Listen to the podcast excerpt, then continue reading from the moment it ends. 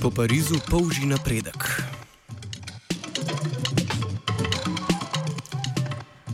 Nedavno sta odbora Evropskega parlamenta za gospodarstvo in proračun izglasovala uskladitev Evropske fundacije za strateške naložbe s pariškim podnebnim dogovorom. Uskladili so delovanje fundacije za strateške investicije s ciljem 40-odstotnega zmanjšanja emisij do leta 2020.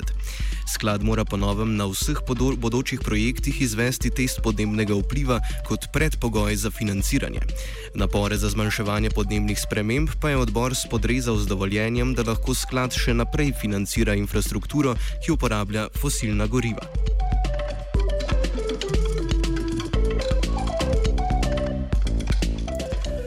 Pariški podnebni dogovor je vstopil v veljavo 4. novembra lani, mesec po ratifikaciji strani Evropske unije.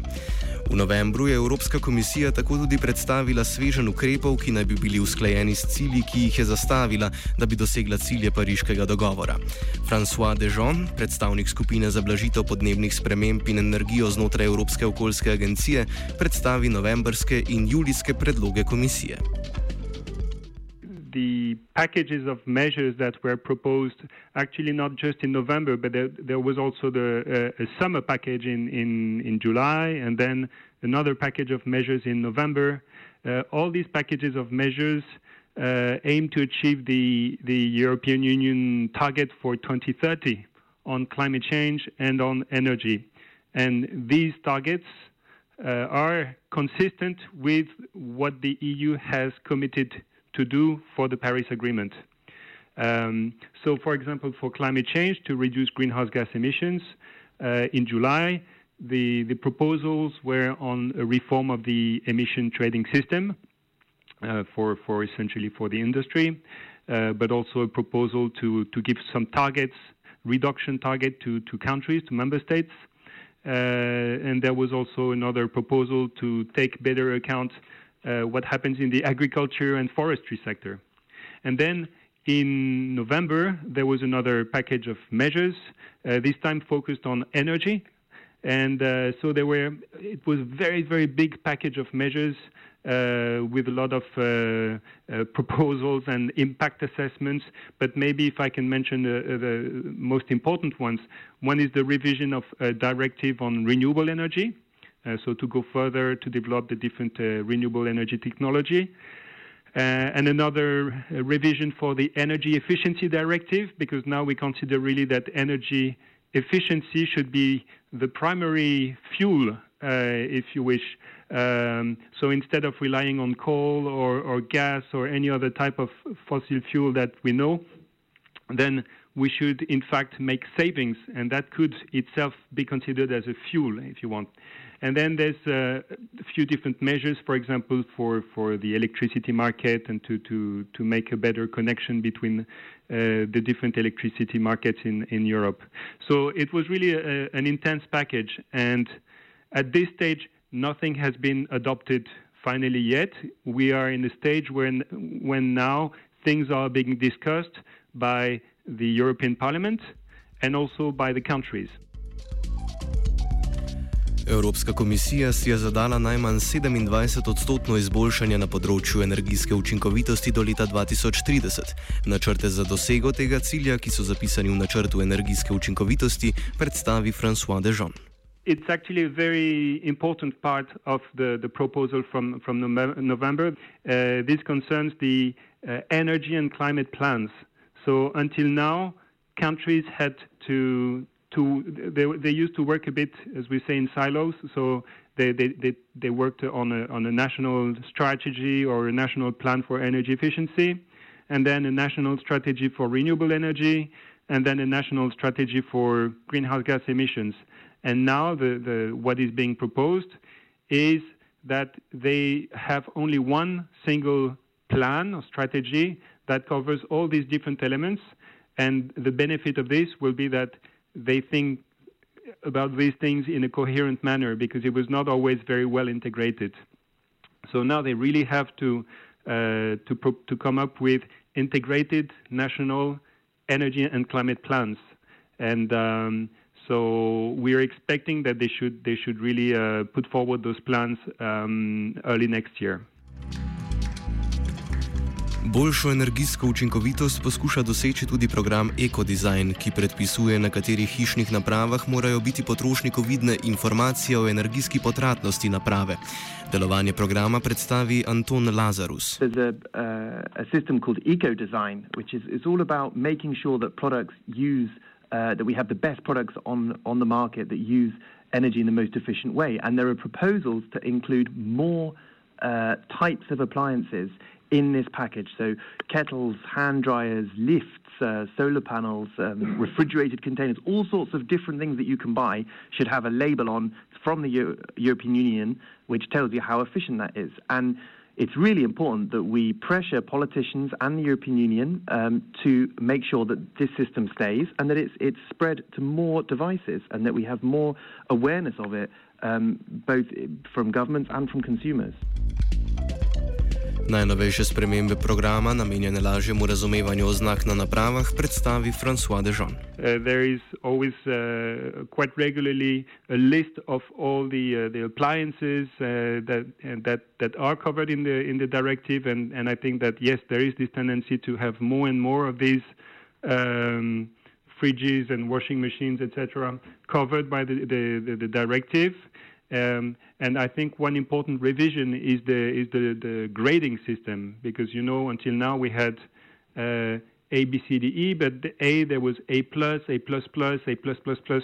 So it was becoming very difficult to know actually if if A plus was good or actually not that good. So now they're they're revising this this grading scale so that we know that when we buy something, so that it becomes clear what is really the best and what is actually not that good. V nasprotju z izpusti emisij industrijskega izvora, ki v zadnjih letih ustrajno padajo, pa v EU vsako leto več emisij proizvede promet. Program nacionalnega zmanjševanja emisij pokriva področja kmetijstva, prometa in hišne porabe ter deluje po modelu deljenja obveznosti. Vse članice morajo do 2020 vsako leto poročati o svojem napredku, njihova obveznost, za koliko morajo zmanjšati izpuste iz teh sektorjev, pa se določa na podlagi stopnje razvitosti. Manj razvite države lahko do leta 2020 višino emisij celo zvišujejo za do 20 odstotkov.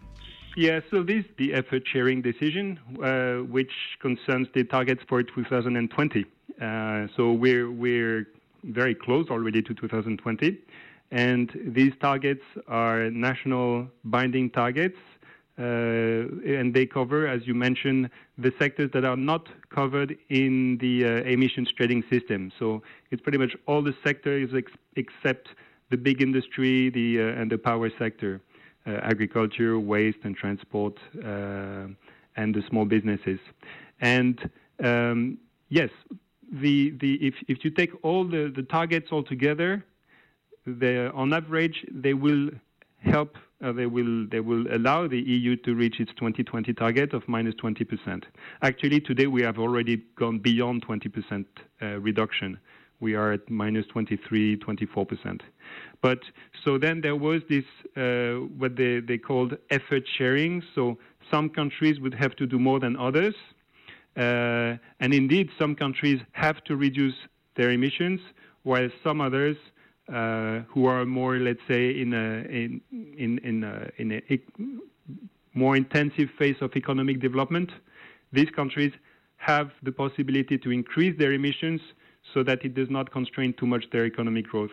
Now, what's important is when we look at 2030, there will be new targets covering the same sectors, but here for 2030, the, the targets will go from zero to minus 40%.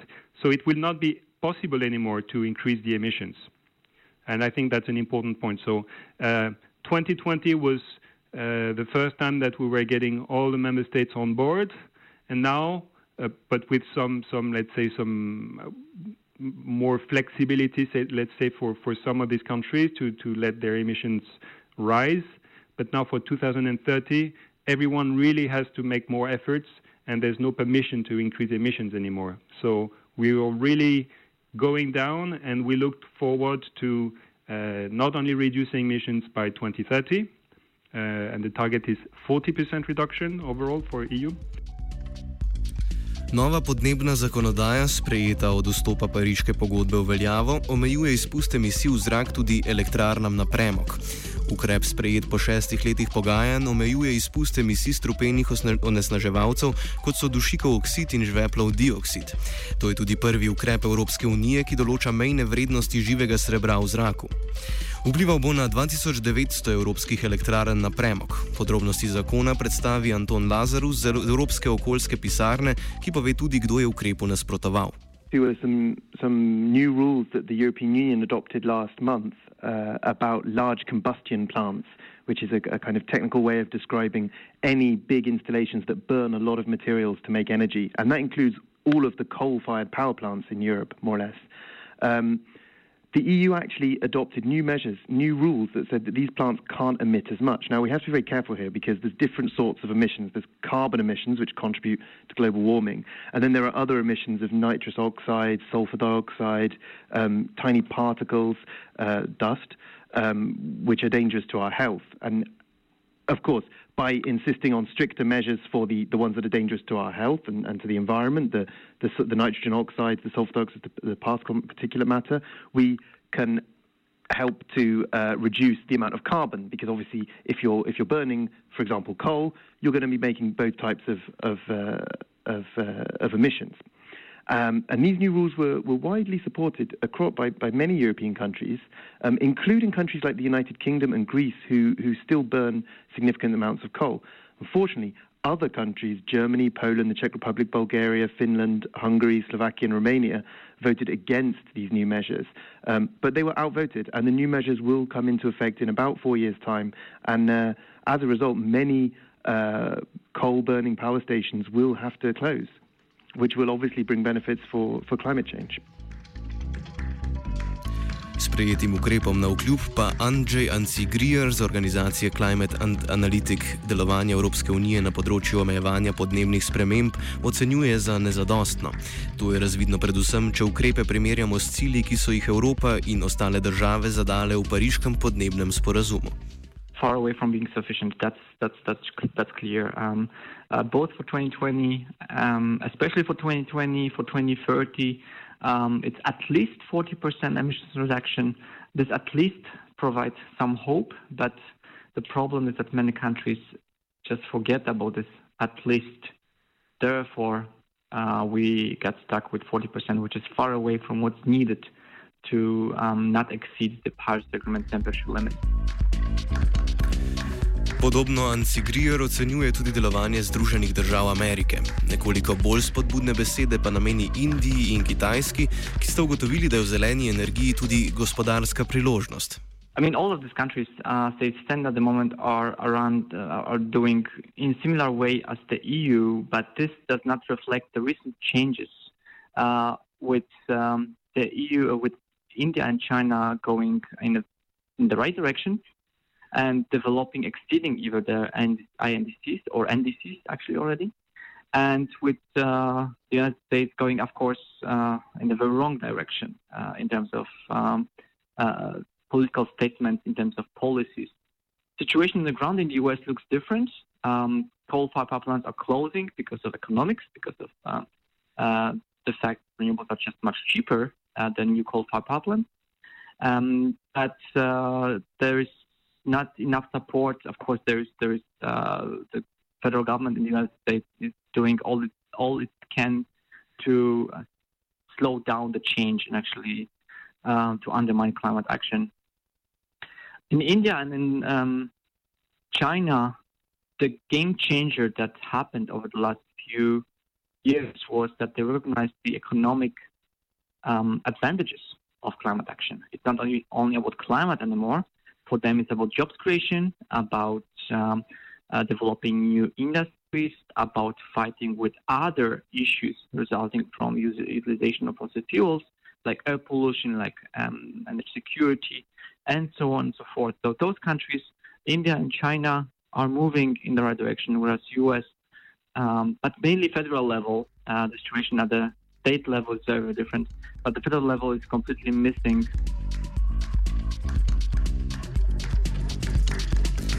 Kultivirala je Gea.